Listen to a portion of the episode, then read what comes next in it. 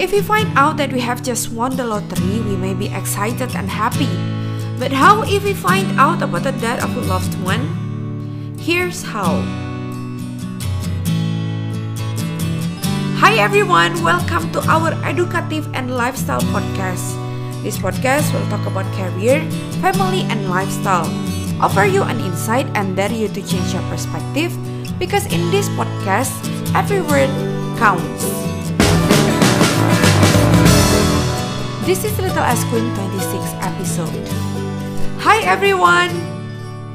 Good evening and how are you all doing today? I hope that you are all doing alright. Today is the Easter Triduum starting with our Thursday, Maundy Thursday.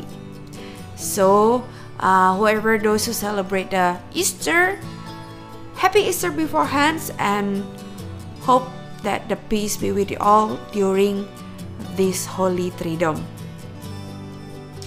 Anyway, if you're still in that loop of tough moment, I just want to say that today Little S Queen has just released a new article called How to Cope with Difficult Times Three Simple Things to Do When Difficult Moments Strike. What is it? Three simple things. Is it as simple? Is it true? You can check it out in our website at www.littlesqueen.com or you can subscribe to our mailing list for updated news, article, product, or you can follow us in our social media page if you want to be the first to know our article. Okay, back to where we left on in the previous episode. It is said that not everyone is capable to handle that overwhelming feeling due to natural disaster. Well, as we know that natural disasters such as that a loved one could create a post-traumatic event such as depressions, anxiety, and traumatic in whatever form. And often that overwhelming feeling get the best out of us. Nah, in today's episode, still in the same book written by Hector Garcia and Frances Miralles and published by the publisher Hutchinson London, part of Penguin Random House Group, the book called Ikigai we will unveil how to control that overwhelming feeling. So, without further ado, let's begin our reading of the day. First, Morita therapy. In the same decade that logotherapy came into being, a few years earlier, in fact, Shoma Morita created his own purpose-centered therapy in Japan. It proved to be effective in the treatment of neurosis, obsessive compulsive disorder, and post-traumatic stress. In addition to being a psychotherapist, Shoma Morita was a Zen Buddhist, and his therapy left a lasting spiritual mark on Japan. Many Western forms of therapy focus on controlling or modifying the patient's emotions. In the West, we tend to believe that what we think influences how we feel, which in turn influences how we act. In contrast, Morita therapy focuses on teaching patients to accept their emotions without trying to control them, since their feelings will change as a result of their actions. Hmm, interesting ya guys. Let's move on. In addition to accepting the patient's emotions, Morita therapy seeks to create new emotions on the basis of action. According to Morita, these emotions are learned through experience and repetition. Morita therapy is not meant to eliminate symptoms. Instead, it teaches us to accept our desire, anxiety, fears, worries, and let them go. As Morita writes in his book Morita Therapy and the True Nature of Anxiety Based Disorders, in feelings, it is best to be wealthy and generous. Hmm, another good point. Morita explained the idea of letting go of negative feelings with the following fable. A donkey that it is tied to a post by a rope will keep walking around the post in attempt to free itself, only to become more immobilized and attached to the post. The same thing applies to people with obsessive thinking who become more trapped in their own suffering when they try to escape from their fears and discomfort. Remember that fable, guys, because it is very important. Later we talk about it, and now we move on to the basic principle of Morita therapy. There are three basic principles of Marathi of Morita therapy. First, accept your feelings. If we have obsessive thoughts, we should not try to control them or get rid of them. If we do, they become more intense. Regarding human emotion, the Zen master would say, if we try to get rid one wave with another, we end up with infinite sea. We don't create our feelings. They simply come to us and we have to accept them. The trick is welcoming them. Morita like an emotion to the weather. We can predict or control them. We can only observe them. To this point, he often quoted the Vietnamese monk Thich Nhat Hanh, who would say, Hello, solitude. How are you today?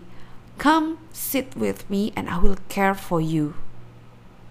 And then the second basic principle is do what you should be doing. We shouldn't focus on eliminate symptoms because recovery will come on its own. We should focus instead on the present moment. And if we are suffering, on accepting that suffering.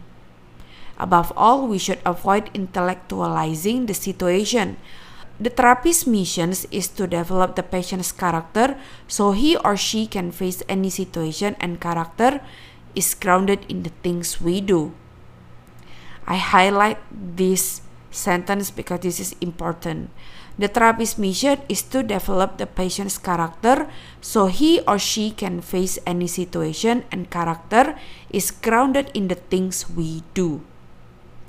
One more time, the therapist's mission is to develop the patient's character so he or she can face any situation and character is grounded in the things we do. Morita therapy does not offer its patients explanations, but rather allows them to learn from their actions and activities. It doesn't tell you how to meditate or how to keep a diary the way Western therapists do. It is up to the patient to make discoveries through experience. Last but not least, the third basic principle of Morita therapy is discover your life's purpose. We cannot control our emotions, but we can take charge of our actions every day.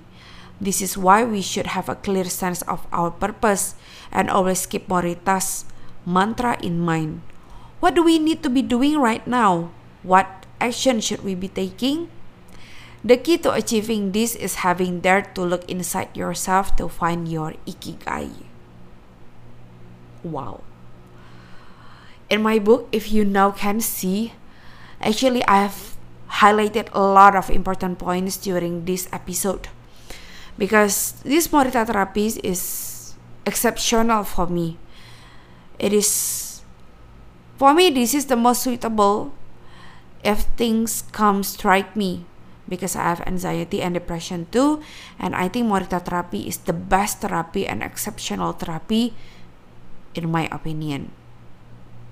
How about you? I don't know, but you can share your opinion below in the comment box.